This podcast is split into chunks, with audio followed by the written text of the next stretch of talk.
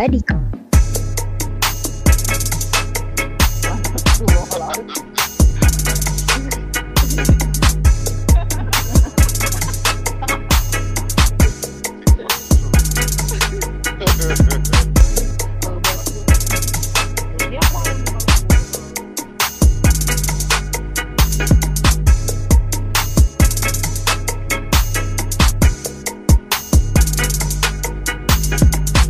Pagi, siang, sore, malam. Selamat datang di Bariko.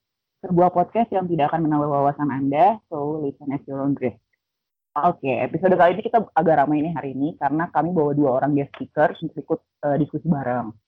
Kita mulai dari rakyat jelatan dulu ya, yang biasa-biasa ikut dari episode kemarin. Kayak minggu lalu, di sini udah ada gue, Tyler. Hari ini gue akan jadi host kalian. Terus di sini juga udah hadir Kela. Halo. Oke. Ada Kumi. Halo.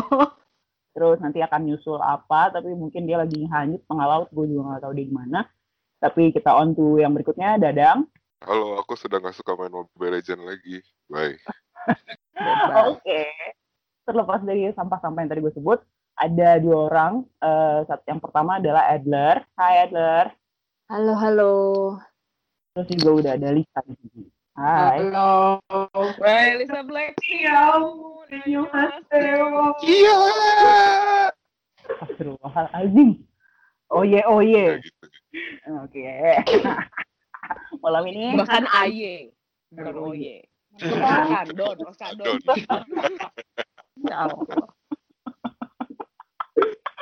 Oke. Topik malam ini adalah sesuatu yang saking seringnya terjadi nih di sekitar kita sampai, sampai hampir jadi lumrah dan cuma jadi sekedar statistik dibicarakan sama masyarakat. Jadi apa tadi? Statistik. Camat.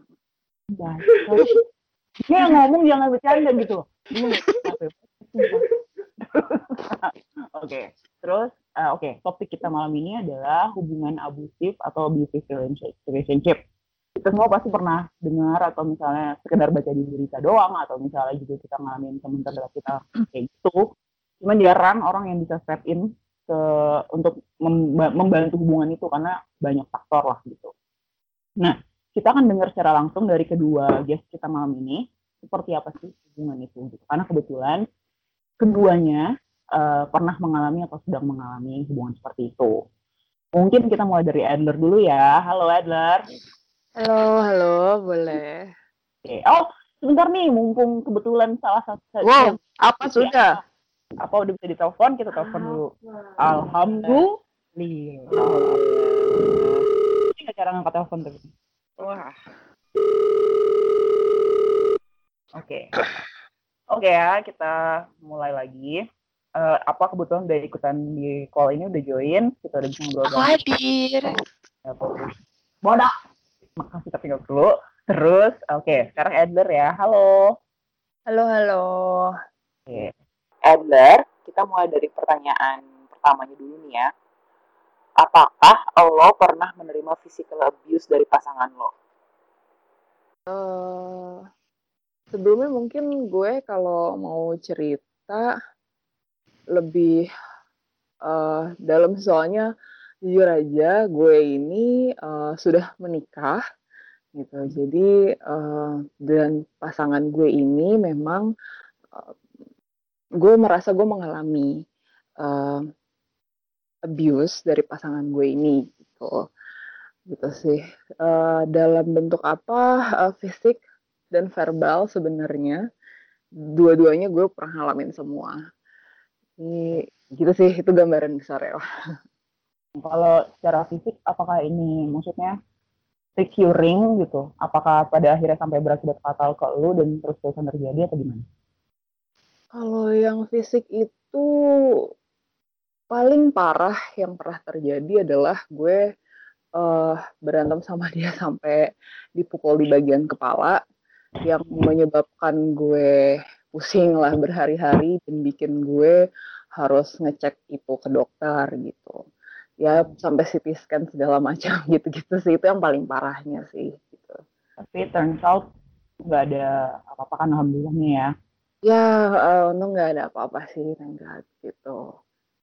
Kalau yang cuma eh itu kan secara fisik ya, tapi uh, yang lebih sakit sebenarnya secara uh, non verb, uh, secara kata-katanya juga gitu loh. Jadi uh, lebih itu selalu berbekas Jadi walaupun lukanya udah sembuh, tapi peristiwa itu tuh keinget terus gitu loh. Itu sih yang lebih lebih susah hilangnya gitu ya kayak semacam trauma lah you can say that. Tuh. Boleh dielaborasi nggak yang verbal itu kayak gimana? Misalnya kayak apakah kondisinya nggak ada apa-apa gitu? Apakah cuman ketika kalian lagi berantem terus dia menggunakan kata-kata yang nyakitin lo atau gimana? Most of the time sih emang ketika kita lagi berantem dia dia suka menggunakan kata-kata yang uh, kasar. Ini kalau gue utarain gak apa-apa banget nih. Ini ya. Silakan senyaman lo aja sih sebenarnya. Kita cuma butuh dapat gambarannya. Ya, okay. ya ya kayak kata-kata kayak dia pernah ngatain gue imbisil terus kayak uh, shit lah dan segala rupanya itu udah kata-kata yang um, mudah makanan banget kalau dia tuh lagi emosi gitu. Dan dia tuh uh, emosinya naik turun banget. Gak bisa ditebak banget deh pokoknya. Kadang-kadang gue kayak dealing sama anak kecil tapi ini bentuknya lebih chaos aja gitu. Jadi gue nggak bisa sembarangan mau ngapa-ngapain gitu sih. Lebih ampun gitu sih kalau perlakuan dia kalau di luar ketika kalian lagi berantem atau dia lagi emosi apakah drastis kebalikannya baik banget atau gimana? Uh, gue bisa bilang dia emang baik banget kalau nggak lagi berantem sih. Gitu emang jauh banget bedanya sama kalau kita lagi berantem. Cuma uh, kadang-kadang ada kita dulu ketika gue masih pacaran gue berusaha uh, memaafkan itu gitu. Maksudnya gue selalu mikirnya oh ya tadi dia cuma emosi.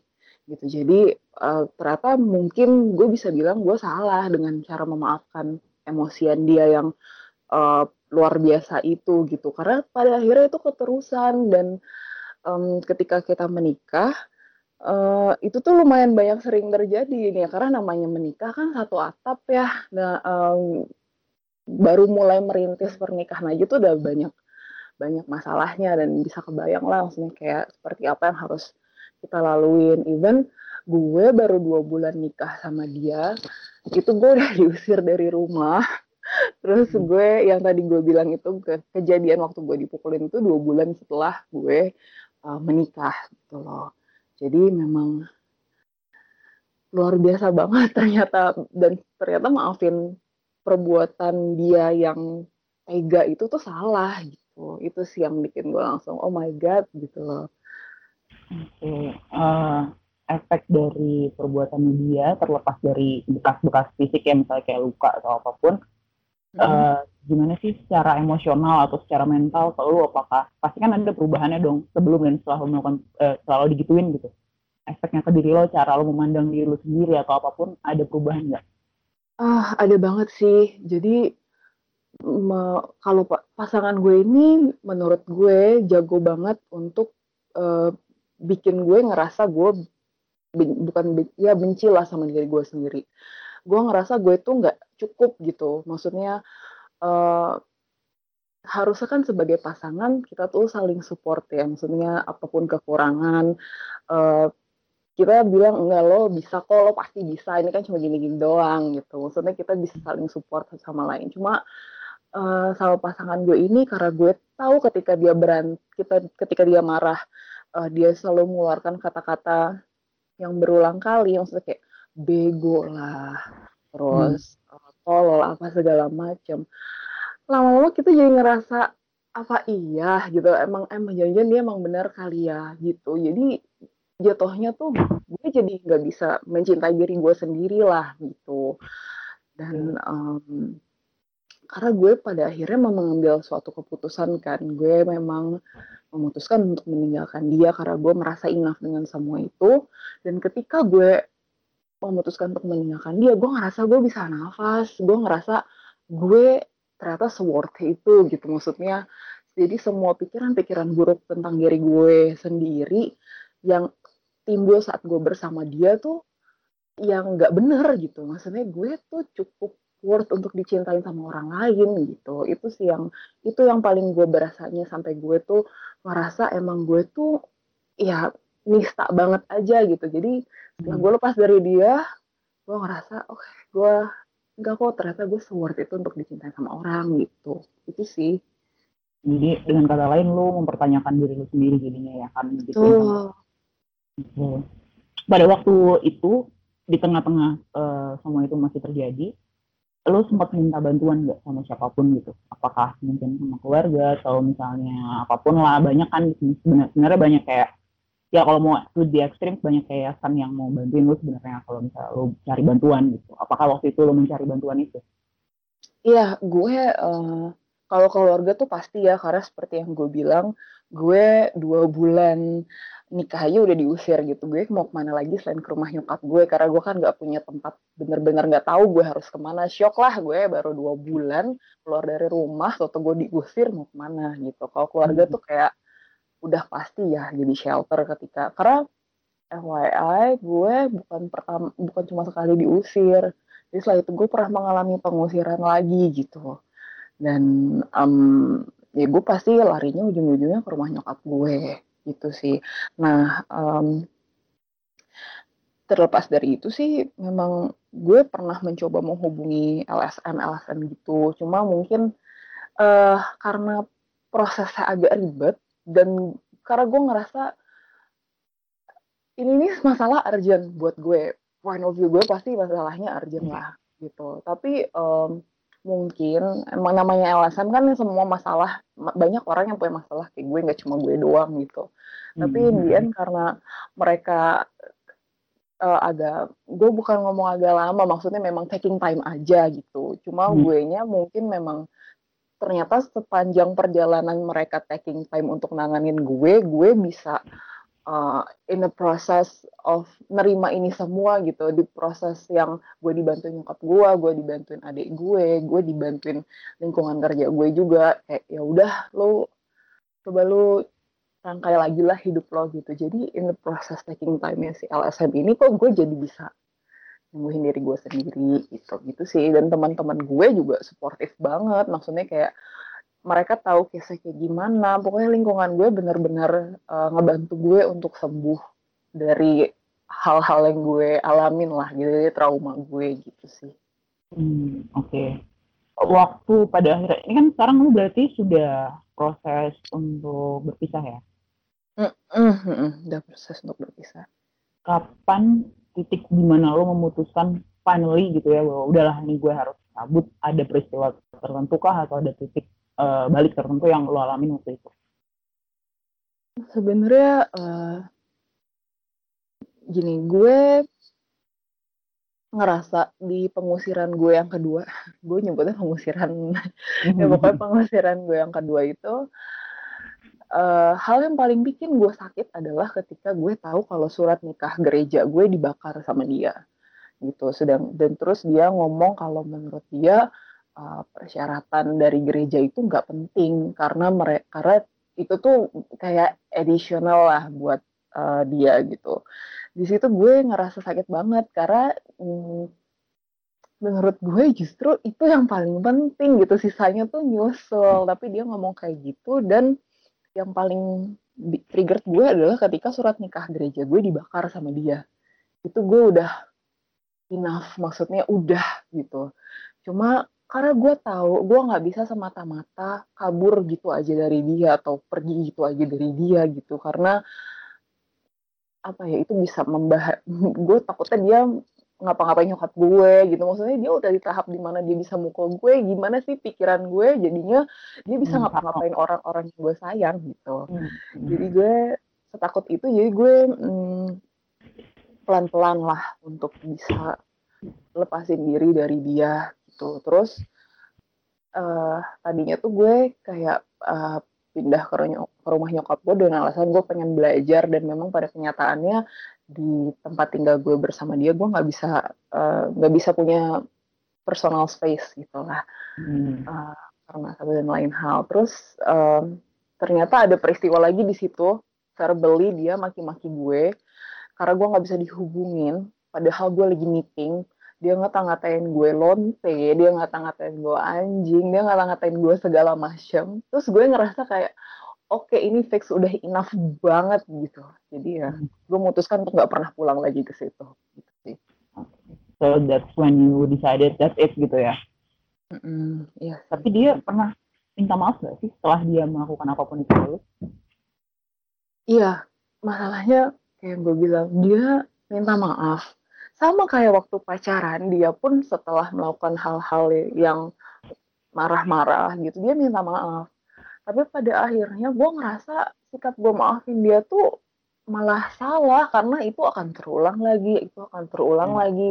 Dan semua perlakuan dia tuh udah terlanjur sakit di hati gue gitu loh. Terus Oke. eh, mungkin gue tadi belum cerita juga, jadi yang waktu gue dua bulan gue eh, berantem sampai gue diusir-usir dan gue dipukulin itu gue bahkan hampir mau dilempar pakai bangku sama dia. Dan Wow. gue ngerasa Medok gak sih? Pasangan lu? oh gue gak ngerti. Dia suka nonton UFC sih. Gue tuh ngerasa akhir malam itu tuh gue gue mati ini mati ini gitu. Ternyata ya enggak. Tapi pikiran itu dan momen-momen ketika dia ngangkat kursi itu dan segala macam itu nggak bisa hilang dari kepala gue gitu jadi maksudnya itu Traumatik ya. Iya, traumatik gitu sih. Jadi gue udah enough untuk maafin dia, udah nggak ada di kamus gue gitu kali ya gue bilangnya.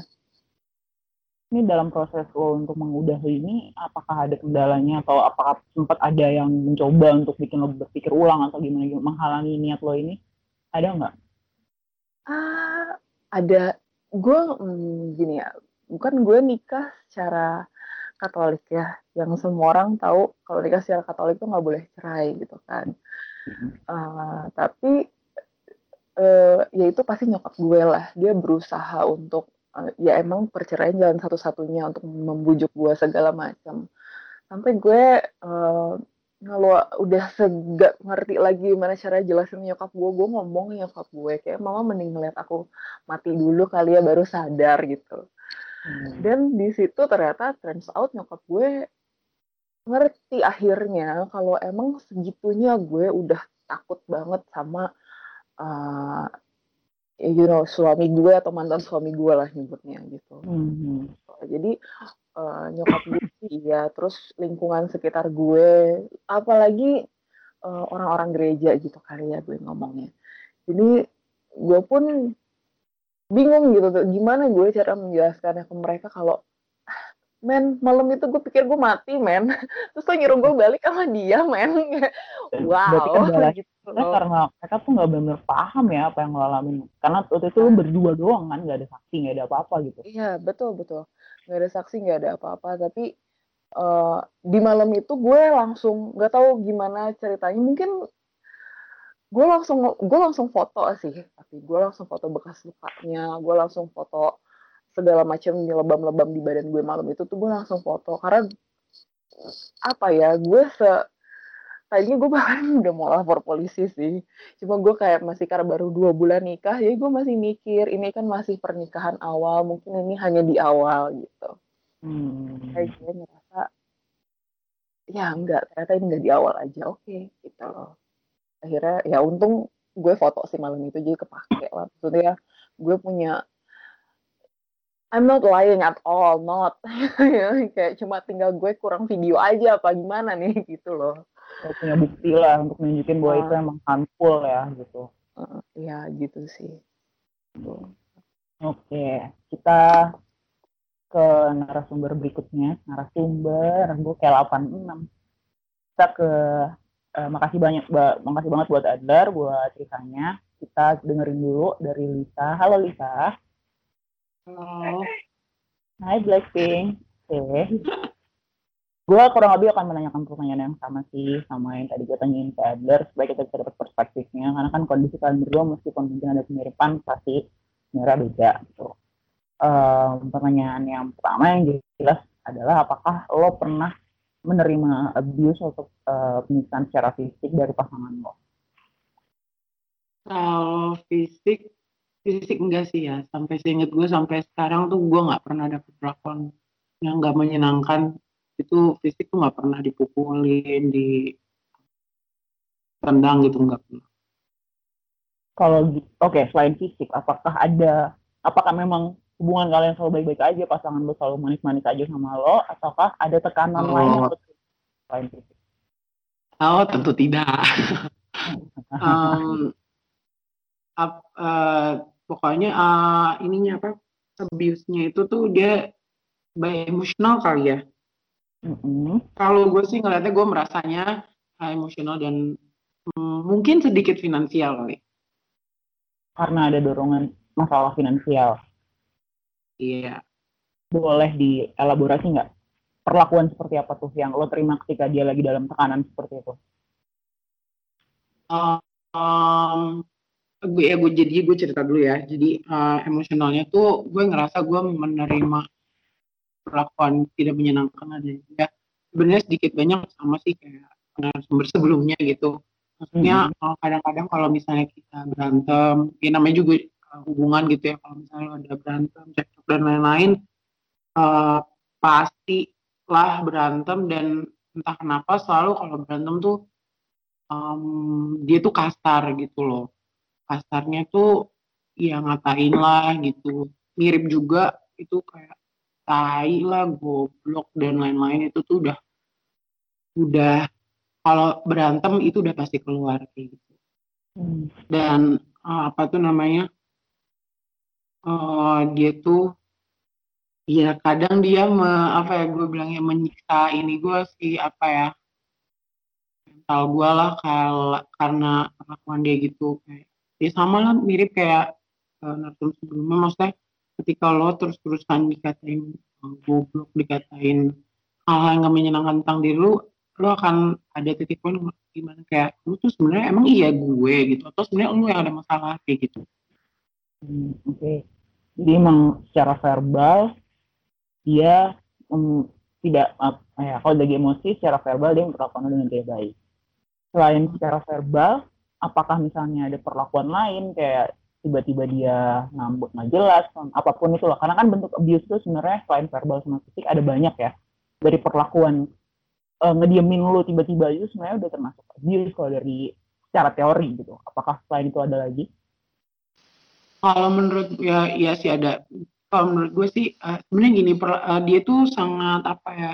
eh, gue nggak bilang mudi. Kalau mudi tuh kan karena keadaan ya tapi bisa juga sih bilang mudi. Jadi eh, tergantung moodnya dia. Kalau misalnya dia lagi happy ya dia nggak bakalan aneh-aneh. Tapi kalau misalnya ada sesuatu yang mengganggu dia bahkan bukan dari gue itu eh, efeknya tapi ke gue. Misal. em, contoh gampangnya dia nggak punya duit gitu. Itu bukan salah gue gitu. Dia aja nggak kerja gitu. Tapi eh, gue yang diambekin gue yang dimarahin kayak gitu. Itu kan aneh ya. Dan itu tuh merambat ke hal yang lain gitu nanti misalnya kayak bisa jadi dari marah-marah itu misalnya misalnya hari itu dia marah gitu terus ternyata dia nggak punya pulsa misalnya. Eh beliin gue pulsa dulu dong gitu.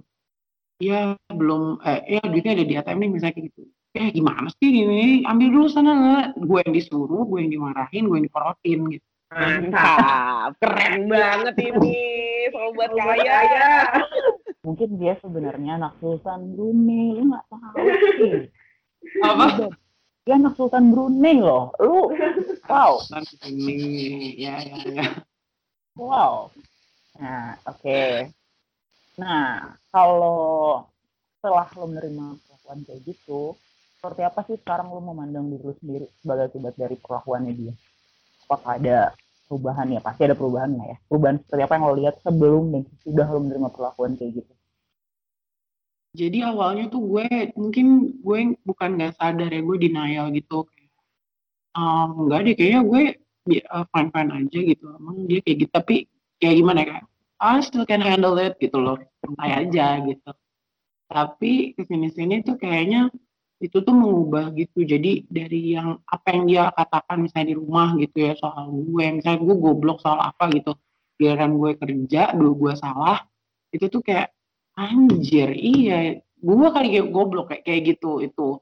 Awal-awal itu pertama biasa-biasa aja. Kedua tuh oh ini ngeganggu banget sih gitu. Gue bahkan dari perlakuan perlakuan dia yang menyiksa gue secara emosional gitu misalnya kayak eh, apa ya ya misalnya tidak menunjukkan kasih sayang dan lain-lain lah pokoknya. Eh, gue itu sampai eh ya gue tidak mau melangkah sana gitu ya tapi gue akhirnya eh, sampai ngerasa kayak gue butuh datang ke psikolog gitu untuk cerita dan lain-lain dan ternyata gue ikut sampai ikutan terapi dan lain-lain Oh, Oke. Jadi lu sampai merasa. Berarti itu ya, lu minta bantuan ke psikolog. Iya. Selain ya, selain eh, konseling ke psikolog itu, lu minta bantuan sama siapa pun yang lain nggak? enggak sih gue cuma minta tolong ke psikolog aja Psikolog. Oke. Jadi keluarga lu tahu nggak kalau lu ngalamin ini? hmm, enggak Kenapa lu nggak cerita? Ada alasan tertentu nggak? Hmm, alasannya mungkin karena lebih gua I keep my things private aja sih. Maksudnya nggak ada yang lain gitu. Cuman ya udah ini ini permasalahan gue doang aja gitu. Nggak- Oke. Jadi lu merasa bahwa ini masalah lu dan lu harus selesaiin ini sendiri. Walaupun sebenarnya maksudnya gini gue gue sadar penuh gue tahu dia melakukan itu gitu. Tapi jadi kayak ketika gue sadar kecuali gue nggak sadar ya gitu ini orang siapa gitu. Ini kan gue sadar apa yang gue hadapi, siapa yang gue hadapi dan apa yang gue badai apa yang gue tuai ketika gue uh, membiarkan dia memperlakukan gue kayak gini ya udah gitu gue harus bisa Jadi lu harus bisa menerima konsekuensinya. Mm-mm. Oke. Berarti sekarang lu masih sama dia atau sudah selesai? masih Masih ada perubahan nggak dari sikapnya dia? iya itu ada ada banget Sudah membaik? hmm, ya nggak langsung yang drastis sih tapi membaik lah gitu Gimana caranya lu bisa membuat itu terjadi? Maksudnya titik apa yang membuat dia akhirnya berubah jadi lebih baik? oh gue bilang sama dia gue pergi ke psikiater karena dia Oh oke, terus dia mengakui bahwa itu ada andil dari dia. Iya gue gua kasih lihat re- uh, rekornya dan lain-lain tapi apa yang gue lakukan setiap hari iya terus dia berubah lebih baik Oke. Berarti sebenarnya lu bisa menyimpulkan bahwa dia merasa sedikit bersalah dan mau bertanggung jawab lah ya. Tuh. Dan harapan lo dengan lu ngejalanin hubungan ini terus, lu berharap apa? Maksudnya lu berharap ke depannya akan kayak gimana? gue setelah ini ya maksudnya setelah uh, upside down di relationship gue yang hancur kacau begini gue sebenarnya tidak berharap apa-apa lagi sih. Nggak ada yang gue harapin maksudnya kalau kalau ini ngomongnya apa eh, jenjang selanjutnya enggak sih sebenarnya. Kalau gitu boleh dijelasin nggak alasannya kenapa lu memilih untuk tetap ada di hubungan itu? gue pengen lihat aja sejauh mana dia berubah. Udah itu doang. Oke. Tap, meskipun lo tidak berharap lebih dari itu ya, lo cuma pengen dia berubah, enggak, udah. Yang yang lain-lainnya nanti. yang lain-lainnya nanti Oke. Oke. Makasih buat ceritanya Lisa dan Adler. Kita mungkin akan ke speakers yang lain. Oke guys, setelah mendengar cerita dari kedua narasumber kita barusan, kalian punya definisi, sekarang kan gini ya, secara teori definisinya abusive relationship itu banyak. Kita bisa cari di mana-mana semua punya definisinya yang mirip-mirip, tapi ada perbedaan-perbedaan sendiri lah. Dari kacamata kalian masing-masing, setelah mendengar cerita yang tadi dan mungkin pengalaman kalau nggak pakai kacamata gimana kak? lokal azim gue tuh gak boleh marah tapi gue dibikin marah gitu loh apa gitu Harap bersabar, ini ujian. oke dan soalnya gue tuh jelek banget di record jadi tolong deh apa definisi abusive rela- relationship menurut kalian masing-masing mulai dari yang paling hijau dan nggak pernah ada in a, in a relationship dulu deh halo apa Halo. apa definisi abusive relationship menurut lo apa. Eh, kan yang lain udah tahu ya. Sebenarnya kan kan nggak pernah mm, nggak pernah in a real relationship gitu kan kalau eh, gue sendiri. Nah, Hmm. eh, tapi sih kalau yang gue tahu adalah ya itu tadi uh, abusive relationship itu sendiri luas banget sih karena gini balik lagi kayak ke tadi kan uh, kadang ada yang nggak di nggak secara fisik cuma uh, secara kata-kata atau bahkan dengan yang perlakuan yang kayak tadi kayak yang ya lo beliin pulsa gue lah segala macam kayak gitu-gitu nah hmm. itu kan terus itu jadi kayak sebenarnya balik lagi juga adalah ke masing-masing pribadinya lagi. Jadi ada orang-orang yang mungkin nganggep itu, oh ya itu biasa aja, eh, nggak eh, masalah menurut mereka itu nggak bukan sesuatu yang sifatnya abusive. Tapi ada buat uh, orang-orang yang lain yang termasuk gue juga sih. Pas ngedengerin cerita tadi kayak ya menurut gue tuh abusive sih kayak eh, nggak uh, se nggak sehat aja. Cuma um, menariknya tadi dari dua cerita tadi adalah ketika narasumber kedua bilang kalau um, ingin mempertahankan gue agak shock sih. Maksudnya kayak eh bukan ingin kayak pengen tahu bisa berubah sampai mana. Gue pengen nanya sih sebenarnya. Terus uh, ini lebih ke kalau gue karena gue sendiri kan nggak ada pengalaman mengenai itu kan abusive relationship itu sendiri. Karena gue gue aja nggak punya pengalaman oh, makasih dijelasin. Makasih loh. Uh, jadi enggak enggak bahkan ya gue pernah misalnya dikata sama orang terus orang itu tuh kayak nggak sengaja kayak lagi ngomong terus kayak nadanya tinggi gitu sama gue. Itu aja gue tuh udah kesel gitu loh kayak lah kalau nadanya tinggi sama gue? Gitu loh. Itu aja menurut gue kayak ah gue nggak mau Apa gitu. itu gue gitu ya? Apa sih? Ih. Ah aku dijahatin enggak jadi jadi gitu jadi gitu. Terus maksudnya pengen nanya sih sebenarnya uh, uh, sama narasumber kedua. Kalau uh, apa sih maksudnya nanti kan dia lagi mempertahankan nih pengen tahu bisa berubah sampai kapan. Terus mau sampai mau limitnya tuh sampai di mana ya? Sampai akan bilang kalau ayo deh kayak gue harus stop deh. Atau ayo deh gue lanjut terus. Gitu loh. Itu yang kayak karena menurut gue uh, ini kan udah berjalan sekian lama dan itu terberulang gitu. Terus mau sampai kapan? Kok gue malah jadi mojokin orang? Maafin ya. Nggak sengaja Aduh, anak SD tau gak? gue anak SD ah. juga nih hatinya nih. Aku ya Lisa. Lisa boleh dijawab? Ah uh, iya. Ya gue um, ini pertanyaan menarik dari berbagai orang sih. Maksudnya termasuk dari dari psikolog gue juga. Mau sampai kapan? Gue sih punya jawabannya nggak tahu. Uh, gue juga nggak tahu sih Gimana karena gue enaknya kapan nggak tahu gue tuh sebenarnya kenapa gue juga nggak tahu gitu apalagi okay. ada lagi yang mau tambahin dari dari apa enggak sih pengen denger justru pengen tahu dari yang lain ya karena tadi ah, saya tidak pernah di dalam suatu hubungan. Terima kasih. Oke, yang lain dari Sheila, dari Dagang, dari Kumi, apakah ada yang di Mungkin dari cowok dulu kali ya. Dadang. Dari cowok, dari cowok-cowok, eh, I mean, come on, gue cuma sendirian anjir.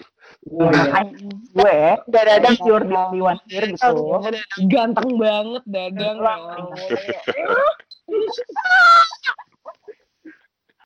Coba menurut lo. Uh, Oke okay, ya, saya mau menyampaikan beberapa hal. Jadi, uh, oke, okay. kayak sampai batas apa ya yang yang dibilang itu bisa dibilang abusive ya? Yang mau kita bahas. Hmm, menurut gue sesederhana kalau misal ada yang bisa dieksploit dari pasangan lu mau sekecil apa pun ya kayak misalnya kayak tadi dari segi finansial gitu itu menurut gue udah udah ini sih udah hitungannya abusive. Apalagi kalau sampai yang uh, kata-kata kasar kata-kata kasar aja menurut gue udah kayak hmm, oke okay, kayak bokap nyokap. Misalnya gue dikata-katain kasar nih sama sesosok perempuan yang jadi pasangan gue gitu kayak anjing lo kayak gue mikir bokap nyokap gue nggak pernah ngatain gue anjing yang ngedidik gue gitu ini kenapa orang baru datang ke hidup gue? Tahu-tahu ngomong anjing gitu. Apalagi yang sampai main fisik sih kayak hmm, nggak tahu sih gue mikirnya kayak itu Hmm. maksud gue jadi harus harus maksudnya sih di situasi yang normal dan ideal ya itu jadi deal breaker nggak sih? Kayak oke I'm done gitu. Ini orang punya sesuatu yang bisa ngerusak gue. Ya nggak sih? Jadi sebenarnya mau nanya ke dua-duanya sih kayak eh lu eh, kalian berdua punya standar atas eh, ini nggak sih apa yang orang boleh lakuin ke kalian atau eh, kalian pernah diajarin nggak kayak orang tuh nggak boleh gini ke ke badan kalian ke ya ke diri kalian lah pernah nggak sih kayak berpikir maksudnya entah itu lo mikir sendiri atau lo diajarin orang lain tentang standar apa yang o- orang boleh lakuin ke kalian gitu Mungkin mulai dari Adler dulu. Iya, boleh. Eh sebenarnya kalau yang sebenarnya kayak Mas Dadang bilang sih, patokannya apa yang orang tua kita pernah lakuin ke kita aja gitu kan. Refleksnya dari situ aja itu udah contoh paling kecil dan paling bagus menurut gue gitu. Eh tapi ya karena kita juga semakin tua, ya kita juga mikir lah eh do and dance-nya kalau kita pacaran gitu kan. Gue tuh sensitif sama hal apa sih gitu. eh sebenarnya yang bikin yang bikin itu jadi eh apa ya gue mungkin yang salah juga sih tapi eh ada perlakuan orang yang menurut kita gue nggak bisa terima perlakuan ini tapi gue mencoba untuk memaafkan memaafkan memaafkan sampai di titik di mana ternyata gue eh, lupa nih kalau gue ini juga bisa maksudnya gue tuh lupa kalau gue tuh patut dicintain juga gitu maksudnya gue nggak bisa terus-terusan maafin orang yang ngelakuin salah yang berulang kali apalagi jatuhnya dia kayak uh, pasangan lah kayak gitu sih itu yang gue pelajarin sekarang setelah gue mengalami ini semua gitu sih Mas Terus? Oke. Buat Lisa, gimana Lisa jawabannya? Eh, sebenarnya kalau ngomong apa ya yang contoh yang tadi dikasih tahu juga udah ini sih maksudnya persis banget kayak sebenarnya waktu um, digituin sama uh, pacar gue itu ya mikir kayak orang tuh nggak ada yang berani gini sama gue gitu. Dan gue nggak punya keberanian lah untuk udah stop udah aja gitu.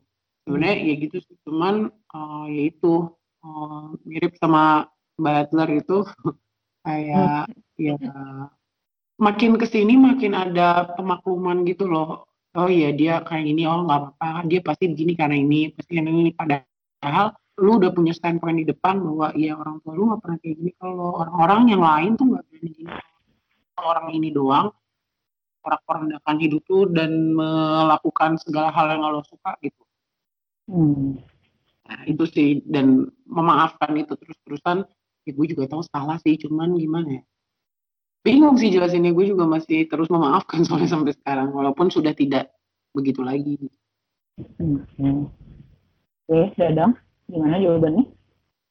let me drop the bomb ya. Uh, you you girls uh, uh, there's no way in hell you like being abused kan? Enggak. No at all. Oh maksud gue kayak eh, tadi kan ada eh, kata-kata maklum ya. Maksud Hmm. gue itu kan eh, kata maklum itu bisa melebar sampai entah ke mana. Sampai lu sampai lu rusak pun kayak kata maklum itu masih tetap bisa ngelebar gitu apanya maknanya. Eh, jadi kayak gue lebih ke penasaran aja apakah dari maklum ini lama-lama lu terbiasa dan dan akhirnya ya udah gitu bahkan cenderung suka gitu. Maksud gue kan Hmm. kayak serem juga sih Eh, kayak sekarang kan banyak sih. banyak juga yang eh, love being abused in any way ya. Kayak karena gitu. karena masalah self esteem mungkin kali ya. Eh tapi kalian nggak gitu kan ya. Maksud gue eh, kalau misalnya udah sampai ke sana gue udah gak ada kapasitas ngomong dan itu sangat serem banget guys Ya oke, lagi pula kita mendengar omongan dari orang yang devoid of love and relationship juga. Jadi kayak ya take it as a point of view dari orang yang ada di luar situasi gitu. Uh, terus kita mungkin emang gak akan pernah paham sih karena kita nggak ada dalam posisi kalian. Cuman mungkin ada waktunya kalian harus dengar juga dari orang lain gitu. Terus terlibat nggak langsung sih? Nah itu adalah pembahasan kita berikutnya. Apakah secara nggak sadar dan nggak sadar setelah kalian mengcompare atau mendengar cerita yang tadi kita dengar apakah nih dari kalian Cela, Dadang, Kumi dan apa apakah kalian pernah merasa melakukan abuse terhadap pasangan atau pernah menyaksikan sendiri abusive relationship di depan mata? Mungkin dari Kayla dulu. Iya, ya, jadi kalau gue sendiri itu udah pernah, pernah berada di hubungan sialan itu ya. Uh, dan itu di usia yang cukup muda sekali di SMA. Gue pacaran juga tiga tahun, sabar-sabar aja. Ya memang perlu diakui gue pernah segoblok itu juga. Memaafkan aja kayak, oh ya, oh ya sudah, toh kalau lagi nggak marah nggak gini gitu. Toh kalau dia lagi uh, baik-baik maksudnya kayak kita berdua lagi tidak. dalam pressure yang tinggi dia tidak abuse gue gitu. Cuman even kita berdua putus pun bukan itu alasannya gitu loh. Jadi kayak ya gue relate sih maksudnya kenapa bisa Lisa sebegininya ya ya memang segoblok itu gitu loh. Entah kenapa gue juga kalau gue inget-inget kenapa ya gitu loh kenapa gue bertahan ya gitu sih. Cuman uh, in the end memang setelah uh, oh gue sama mantan gue ini akhirnya berteman. Dan uh, di satu masa dia akhirnya mengajak gue ngobrol. Dia reflecting back juga. Dia bilang meminta maaf segala macam dan dia tahu banget itu salah. Dan jadinya memang karena dia feeling guilty parah gitu ya akhirnya dia uh, dia tuh kayak temen yang bisa gue lean on ketika gue dia tuh akan menanyakan kayak lo dating a jerk lagi gak sih gitu kayak yang kayak gitu-gitu dia akan taking care of juga gitu. Jadi karena rasa bersalahnya segitunya gitu sih. Ya mungkin karena memang ya ini sekali, pemakluman ya karena masih kecil banget ya itu SMA gitu. Dan gue pacar pertamanya juga. Oh ya itu uh, eh, gue memaafkan tuh kayak gitu karena oh ya udahlah dia juga belum pernah pacaran. Yang penting gue sabar ngajarin nggak gitu caranya yang kayak gitu-gitu sih menjelang kita putus ya memang semuanya menjadi lebih baik. Cuman emang ada faktor-faktor lain buat kita nggak bisa bareng lagi aja gitu. Even di kasus gue itu bukan hal yang membuat gue putus sih. Luar biasa kegoblokan ini. Mantap! Oke, kalau gitu yang lain, yang lain gimana? Mungkin dari Kumi yang belum ngomong tadi, lo pernah nggak melakukan abuse, jadi pelaku abuse atau mungkin melihat? Ini gue ingin meyakinkan lagi sih, apakah um, kayak perlakuan ngediemin kayak gitu masuk ke dalam abusive kah? Lo jadi mempertanyakan diri lo sendiri ya? Iya, iya gue mempertanyakan diri gue sendiri. Kayak nanya sih uh, kalian. Emang lu apa sih perlakuan lu yang lu ragukan itu ya kayak nah si silent treating ini sih sebenarnya. Dulu sih dulu gue sempet uh, melakukan itu kayak ya ya biasalah kayak ngambek-ngambek gitu terus ngediamin tapi hmm, kayak nggak nggak pernah sampai lama banget. Kayak paling cuma sehari dua hari paling lama. Nah terus eh, belakangan ini nggak tahu di season sih kemarin. Ini gue kayak berhubungan sama orang dan mendapat perlakuan balik kayak gitu cuman ini jangka waktunya tuh lama banget sampai seminggu seminggu tuh lama gak sih? Eh uh, uh, motherfucker sih. Kalau gue digituin gue putusin sih. Yang bodoh juga tuh orang kenapa nggak diputusin? Wow wow wow, wow. kalau ya. saya penyabar saya akan iya. sabar. Sampai nirwana. Tolong tetap objektif kak host oh, gue gitu oh, ya. gitu kayak kayak nyampe hampir seminggu terus uh, dia sih dan itu beberapa kali maksudnya nggak sekali doang kayak tiga kali sih kayak gitu. Terus dia bilangnya kayak ya itu kayak pelajaran kayak buat bahan pelajaran. Oh, guru ternyata memberi pelajaran. iya, dia bilangnya gitu kayak ngajarin gitu terus gue kayaknya gue bodoh deh terus gue ya udah gue menerima gitu kan. Pada itu itu secara nggak sadar sih sebenarnya case-nya sama loh sama narsum satu dua. Lo di abuse dan lo akhirnya menerima itu gitu kayak kayaknya emang gue deh bego gitu loh sama kan? Iya iya ya iya sih. Gue ego sih terus ya udah sampai di satu titik terus gue kayak gue nggak bisa gue ngerasa nggak bisa kayak gini lagi jadi itu abusive ya jatuhnya Oke. Berarti lu baru sadar sekarang bahwa sebenarnya abusive waktu itu ya? Heeh, ternyata saya abusive Iya, Karena yang lain. kayak Oh, mungkin betul. orang bisa wajar nggak sih emang sebenarnya tuh normal atau enggak karena ya gue kan hmm, sebenarnya hitungannya baru juga ya normal oh nggak normal. Gini, gue boleh nggak sih kak host memberi tanggapan? Iya, boleh dong. Oke, jadi apa ya gue kalau gue sih sebenarnya tidak gue mungkin pernah juga occasional abusing people sih kalau gue jatuhnya. Cuma eh ya memang ketika dalam posisi itu mungkin gue sendiri nggak sadar ya ngelakuin itu. Cuman apa- yang menjadi yang membuat itu menempel sama orang kan adalah ketika dia menikmati hasilnya terus dilakukan terus menerus gitu. Ketika waktu itu gue akhirnya gue kena batunya sendiri karena orang itu berani meninggalkan gue, gue akhirnya nyadar wah anjir gue salah ya gitu ternyata kayak gitu. Sehingga itu akhirnya gue tidak lakukan lagi di hubungan gue yang berikutnya gitu. Itu pertama. Yang kedua adalah gue eh gue menyaksikan dari dekat banget seperti apa abusive relationship yang bahkan secara fisik dan itu parah banget sih waktu itu. Itu terjadi sama orang tua gue sendiri waktu itu.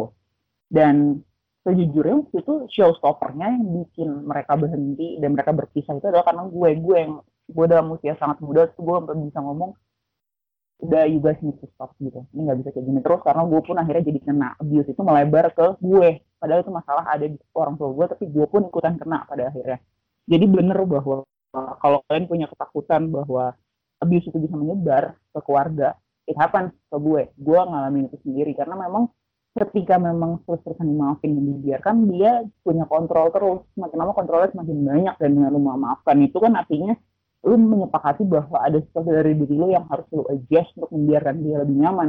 Dengan itu membuat kontrol dia lebih besar gitu ketika kontrol itu akhirnya tidak hanya ke diri lu sendiri bahkan ke orang lain itu yang kalian harus mulai mikir. Dan itu terjadi waktu itu sama orang tua gue sampai gue bilang nggak bisa. Gue nggak mau begini lagi. Gue nggak mau ngalamin itu lagi.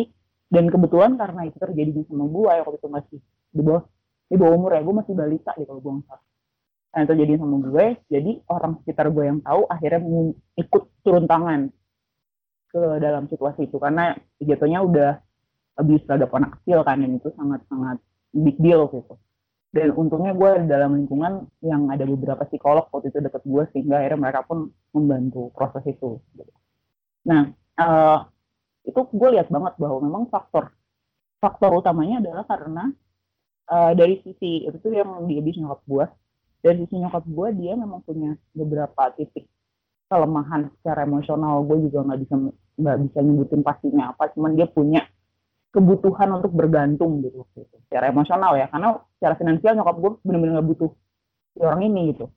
Si bokap gue itu. Nah si bokap gue ini punya masalah dengan kepercayaan diri. Dia merasa kalah sama nyokap gue gitu sebenarnya. Jadi nyokap gue itu eh, butuh dia secara emosional dan itulah yang dimanfaatkan terus-terusan. Itulah yang bikin nyokap gue maafin terus dan itu terus yang dima- dimaafkan. Cuman emang nggak sehat sama sekali sih. Dan itu emang harus dihentikan. Mungkin kalau gue waktu itu nggak ikut turun tangan atau gue nggak kena pukul sampai sekarang itu masih ada mereka gitu masih bareng. Cuman pada akhirnya untungnya thank God berhenti. Karena kalau nggak mungkin gue udah mati guys. Gue nggak ngomong di sini sekarang podcast ini nggak ada gitu. Jadi Tapi sebenarnya case-nya sebenarnya mirip semua ya karena di gue pun abusive itu terjadi karena si mantan gue ini ngerasa di bawah gue gitu loh. Karena ya SMA ya berarti maksudnya kan prestasi ya. Jadi kayak dia ngerasa tertekan dia pernah keluar omongan kayak ya lo enak pintar gue gimana? Gitu loh. Maksudnya jadi tapi semua case yang gue lihat guys besarnya ini adalah mereka merasa di bawah kita gitu loh jatuhnya. Iya. kayak si Hmm. Lisa ternyata financially dia di atas pasangannya kan. Terus ya untuk kasusnya Mbak Adler ini kan Aing sedikit banyak tahu ya sama gitu loh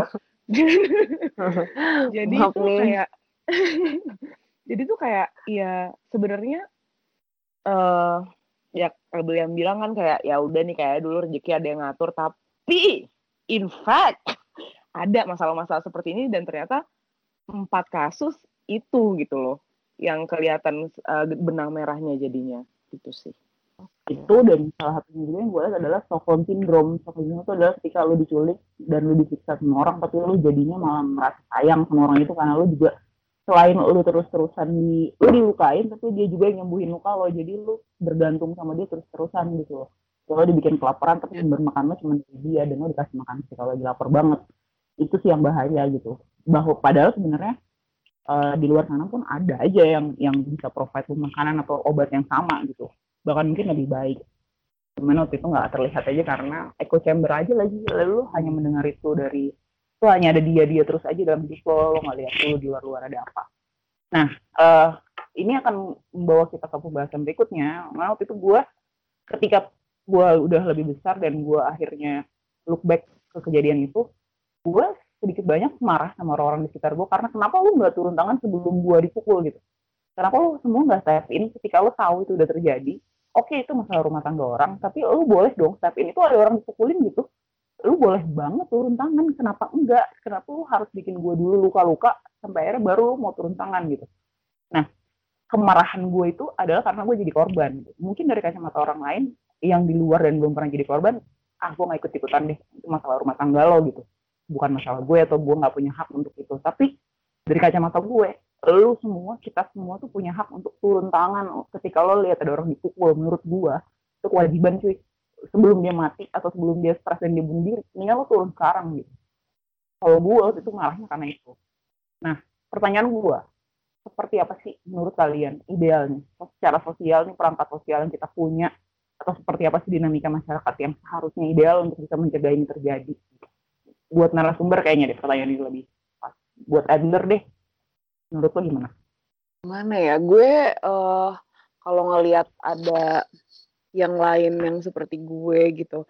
Sebenarnya Lisa ini adalah contoh besar sih gitu. Jadi gue paling eh kita semua lah, kita semua bisa ngasih ngasih pemikiran-pemikiran kita ke dia. Maksudnya gini, eh gue cuma pengen kayak bilang ke Lisa kalau please make sure kalau lo tuh happy juga gitu. Maksudnya walaupun lo tahu lo sekarang memaklumi dia gitu, please make sure kalau lu tuh tahu kalau lo tuh happy. Itu itu sebenarnya yang eh, itu contoh kecil banget sih. Tapi kalau untuk di luar sana kalau gue eh, step in langsung ke relationship orang gitu, maksudnya gue setuju sih sama Mbak host.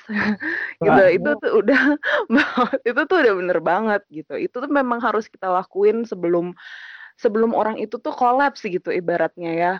Eh, karena gue pun ada di titik di mana gue nggak mau cerita sama siapa-siapa gitu. Ya walau sama nyokap gue gitu.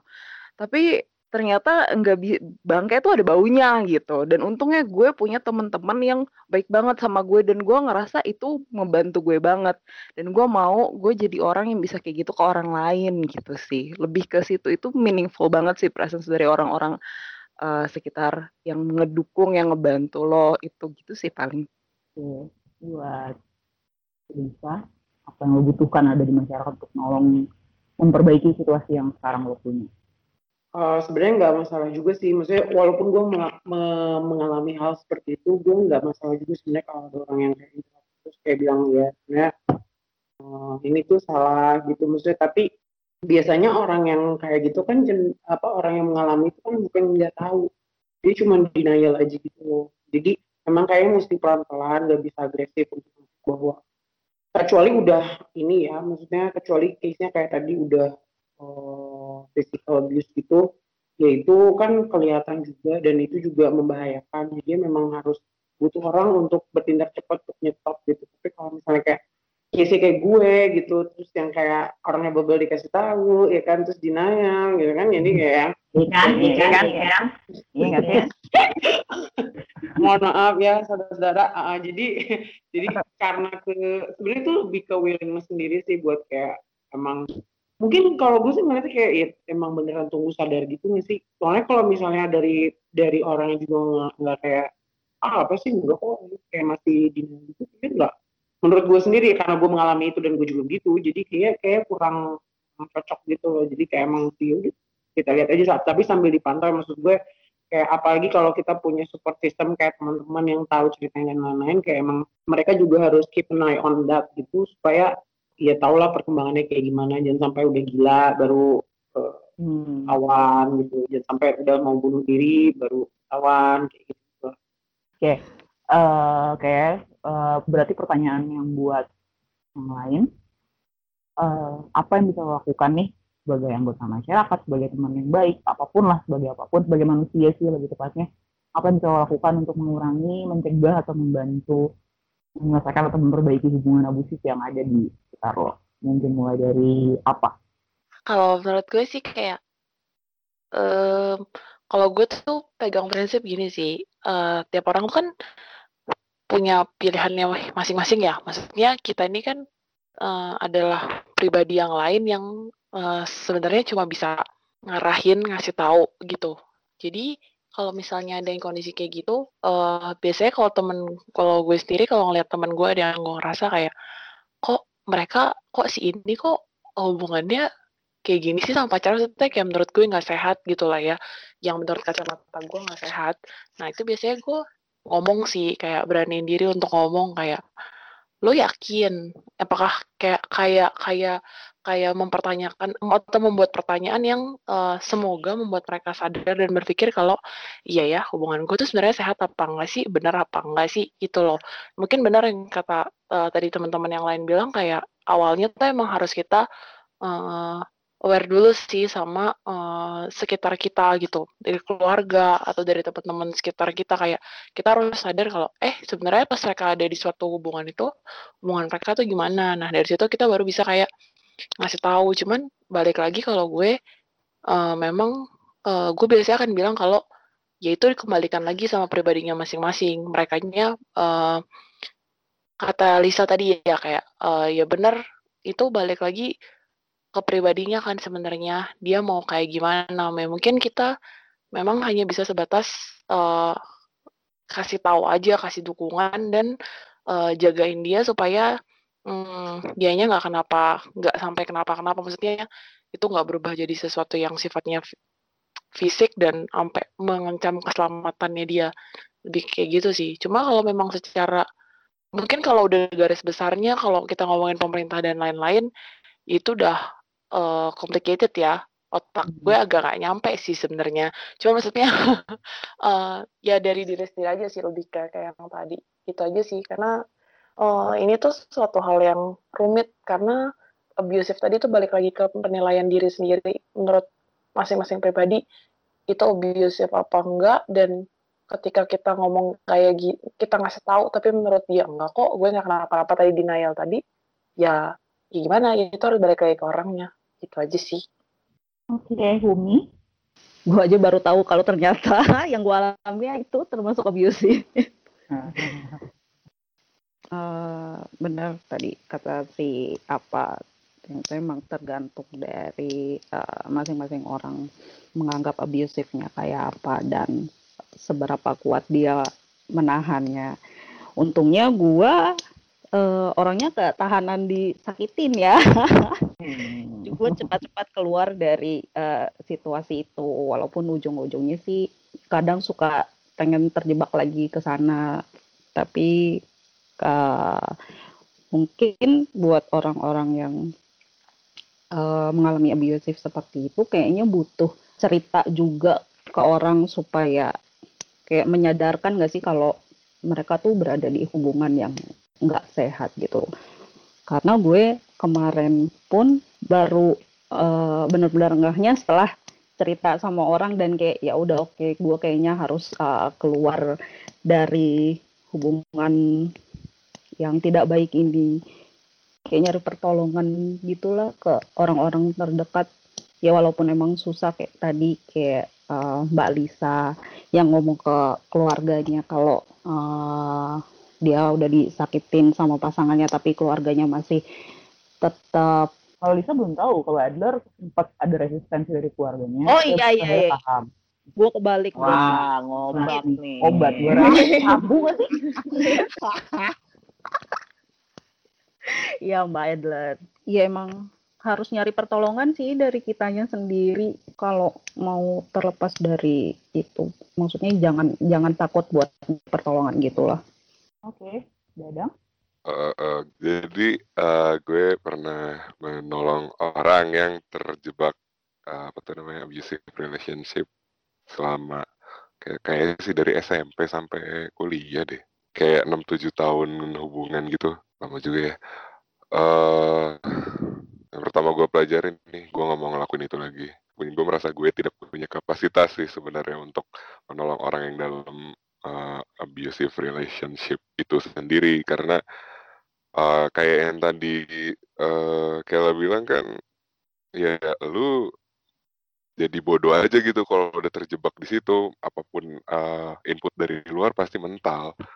Pasti jatuhnya kayak echo echo chamber jujur gue agak gue akan sangat eh, skeptis menghadapi orang-orang yang terjebak di abusive relationship ya terlepas dia laki-laki atau perempuan ya. Jadi makanya kalau misalnya gue ketemu teman-teman yang sayangnya ter- terjebak di situ gue cuma bisa dengerin ceritanya aja.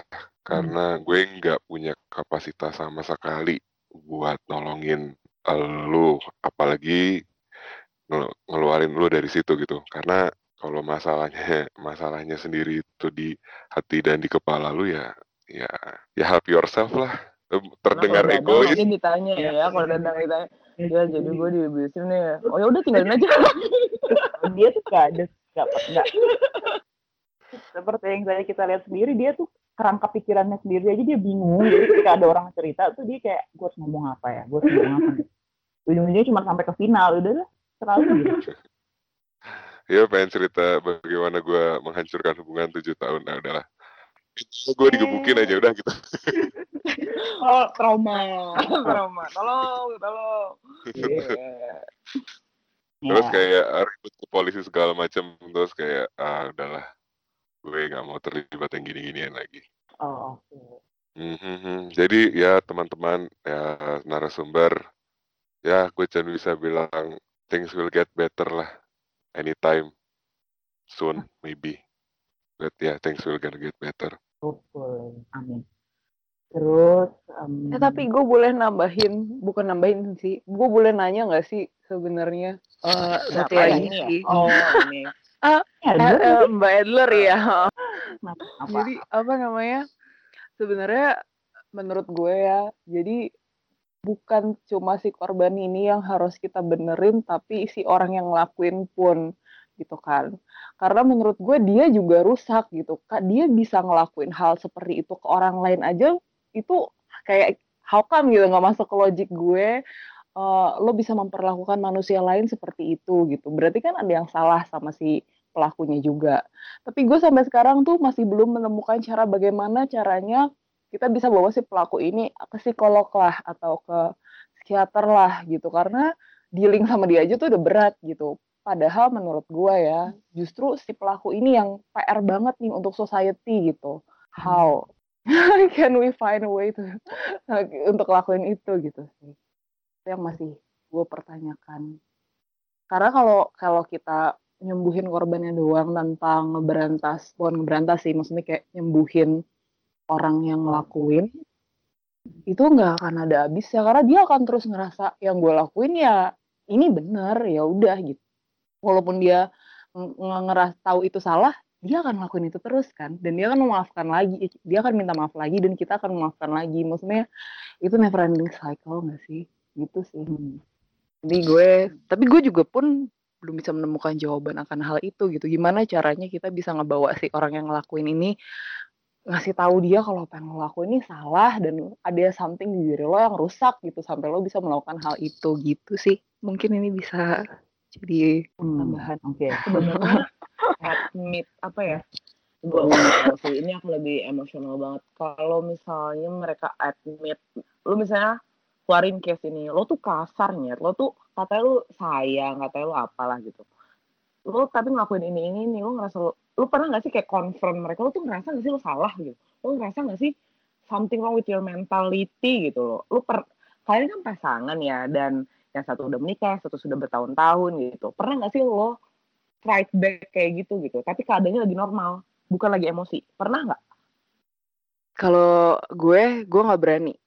Serius Oh. sega, nggak berani itu. Maksudnya itu karena gue, maksudnya emang dia tipenya kayak begitu sih. Dan gue memang jadinya ngumpet di balik tembok yang gue bangun karena gue udah terlalu takut sakit hati denger apa yang akan keluar dari mulut dia gitu.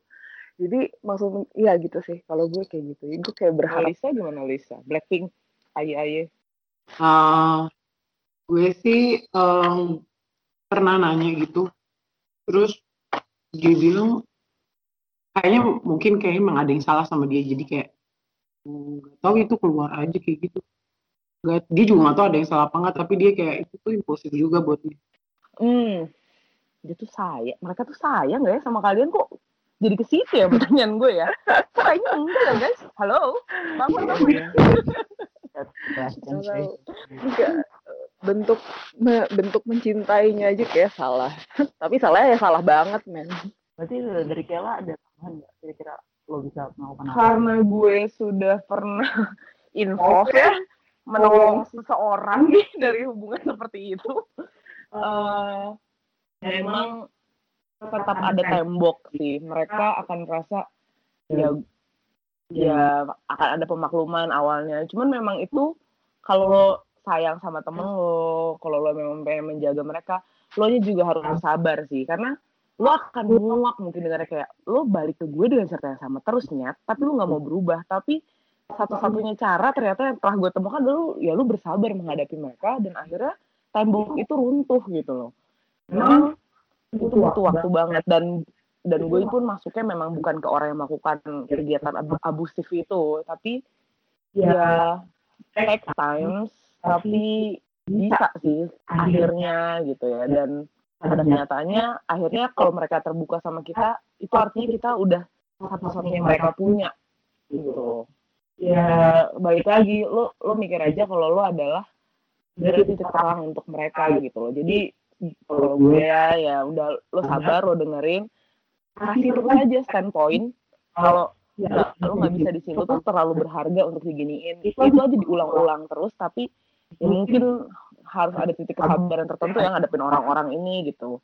Ya itu doang sih kalau dari gue karena sudah pernah alami sendiri. ya itu satu-satunya jalan sih menurut gue Oke, eh, gue sendiri mungkin ini akan jadi opini closing juga ya dari gue karena udah panjang juga. Hmm, kalau dari gue sendiri, memang sih selain gue mengalami yang tadi gue sebutin, gue juga pernah nemenin temen gue yang kena masalah yang sama. Pertama gue melihat bahwa memang pasti ada banyak faktor yang bikin orang tuh nggak minta tolong, entah karena dia merasa "Ah, kok gue masih bisa sendiri atau karena dia ngerasa dia takut dijudge sama siapa pun yang lain atau dia nggak mau orang tahu bahwa hubungannya dia sebenarnya tidak sebahagia yang terlihat atau apa pun. Pokoknya banyak faktor dan itu sih menurut gue silakan lo boleh punya alasan apa pun untuk cerita yang justru jadi kewajiban eh, yang jadi yang punya kewajiban adalah orang yang sebenarnya bisa minjemin kuping. Yang gue lakuin waktu itu adalah untuk temen gue ya gue ajak main aja terus maksudnya mungkin dia saat waktu main sama gue dia nggak akan cerita langsung seperti apa hubungannya progresnya kayak gimana. Mungkin dia akan malu atau dia, takut bikin gue capek dengar hal itu itu aja. Tapi bagi gue yang penting gue ada sama dia dia tahu dia bisa ke gue kapan pun dan kalau misalnya pun ada visible signs of abuse misalnya dia luka atau apa gue lihat gitu. Jadi gue nggak bi- nggak bikin dia cuma berdua doang sama orang terus-terusan dan dia nggak tahu mau ke mana. Karena itu kan sebuah bubble sebenarnya. Lu ya bubble or echo chamber whatever you want call it lah jadi dia akan terus-terusan mantul aja suaranya dia ke tembok karena nggak ada yang dengerin. Kalau bisa gue dengerin kenapa enggak gitu. In time gue merasa wah udah nih orang ini jadi semakin parah gitu. Ya gue akan beranikan diri untuk ngomong meskipun memang pasti akan ditolak awalnya. Itu udah pasti semua orang denial gitu. Karena itu sesuatu yang mereka nggak pengen alamin mereka nggak membayangkan akan terjadi dalam posisi seperti itu. Mereka punya plans yang bagus banget mereka punya impian-impian yang bagus tiba-tiba kok kayak gitu. Dan mereka menolak untuk menolak untuk mengakui itu sebenarnya. Karena kecewa sama kondisi itu rootnya sebenarnya menurut gua. Karena mereka kecewa mereka nggak mau gitu aja ngelepasin mimpi yang mereka udah pernah punya. Sehingga akhirnya dinaya dinaya dinaya aja terus kayak gitu dan kadang-kadang orang punya segitu banyak tenaganya. Kadang orang sekuat itu untuk bertahan di dalam situ. Tapi kan bukan berarti itu hal yang patut dilakukan. So the least you can do is listen sebenarnya pertama itu. Kedua kalau misalnya memang udah waktunya untuk ngomong sesuatu yang ngomong. Apa pun yang terjadi ditolak pun ya silahkan percaya sama gue ketika dia udah tahu bahwa lu mau mendengarkan dia terus terus udah membuktikan bahwa diri lu worthy of a friend buat dia lu dengerin dan dia lu temenin terus dia pada akhirnya dia akan langsung titik di mana dia nyari lu duluan meskipun sebelumnya dia sempat marah sama lu atau apa pun dan ketika dia minta tolong prove your worth as a friend tolongin. Jangan ditinggal. Please banget karena itu karena itu penting gitu menurut gue itu pertama. Kedua kalau yang soal tadi yang Mbak Edler sebutin soal menolong si uh, pelaku waktu itu pun yang gue lakukan gue nggak hanya ngobrol sama teman gue itu tapi gue juga ngobrol sama pacarnya yang ngelakuin dia gue cuma pengen paham kondisinya dia aja kayak gimana. Dengan gue juga menjadi temannya dia gue gini kecenderungan kita ketika kita dengar ada orang yang abuse kecenderungan kita adalah menganggap dia orang jahat. Yang sebenarnya nggak selalu kayak gitu kadang sebenarnya dia perlu dikasihan lebih perlu dikasihan daripada korban secara mental. Nah itu gue berusaha menghilangkan judgment gue bahwa dia orang jahat akhirnya gue tetap ngajak dia ngobrol dan apa pun secara netral gue tanya gimana kenapa lo bisa kayak gini segala macam ya pelan-pelan. Pada akhirnya dia gini kadang lu ngomong sesuatu orang itu nggak akan nunjukin kalau dia nerima. Dia akan tetap deny atau dia dengan gengsinya yang tinggi dia akan tetap nolak omongan lu tapi sebenarnya itu masih kok di kuping dia. Dia tetap dengerin dan itu dia pikirin di rumah misalnya meskipun dia nggak nunjukin ke lu kalau dia pikirin itu. Kayak gitu. So anything you can do uh, however itu it to menurut gue. Itu aja sih kalau dari gue ya. Ya at least just be there. Emang capek capek banget tapi ya ya udah sih capeknya lo sama nyawa orang atau sama kesehatan mental orang apa sih bandingannya tuh nggak sebanding sih nggak nggak nggak bisa dibandingin sama sekali gitu. Ya lagi sih if you can help make the world a better place why not? Kan sebenarnya gue udah cocok belum sih jadi UNESCO gitu nggak eh bisa. Lo jadi UNESCO jadi oke udah mungkin itu aja. Malam ini udah panjang banget udah wow panjang banget nih ngomong-ngomong obrolan kita malam ini. Uh, so untuk malam ini kita udahin dulu that's it. Semoga informasi dan opini yang malam ini kita utarakan yang kita omongin itu bisa diterima dan dikenal dengan baik sama kalian para pendengar dan semoga juga menambah sesuatu buat kita semua di sini bertujuh ini yang ngobrol malam ini. Seperti biasa semoga kalian tidak bosan dengerin kita ngobrol tapi ya kalau iya ya udah ngapain lagi kita? Siapa siapa nggak bisa apa-apa ya udah. bukan. apa bukan nggak bisa duit juga ya udahlah ya gitu miskin. Oke okay, then uh, we will see you in the next episode of Buddy Call. Bye. Bye semua. Bye. Bye. Body call, because booty call is haram.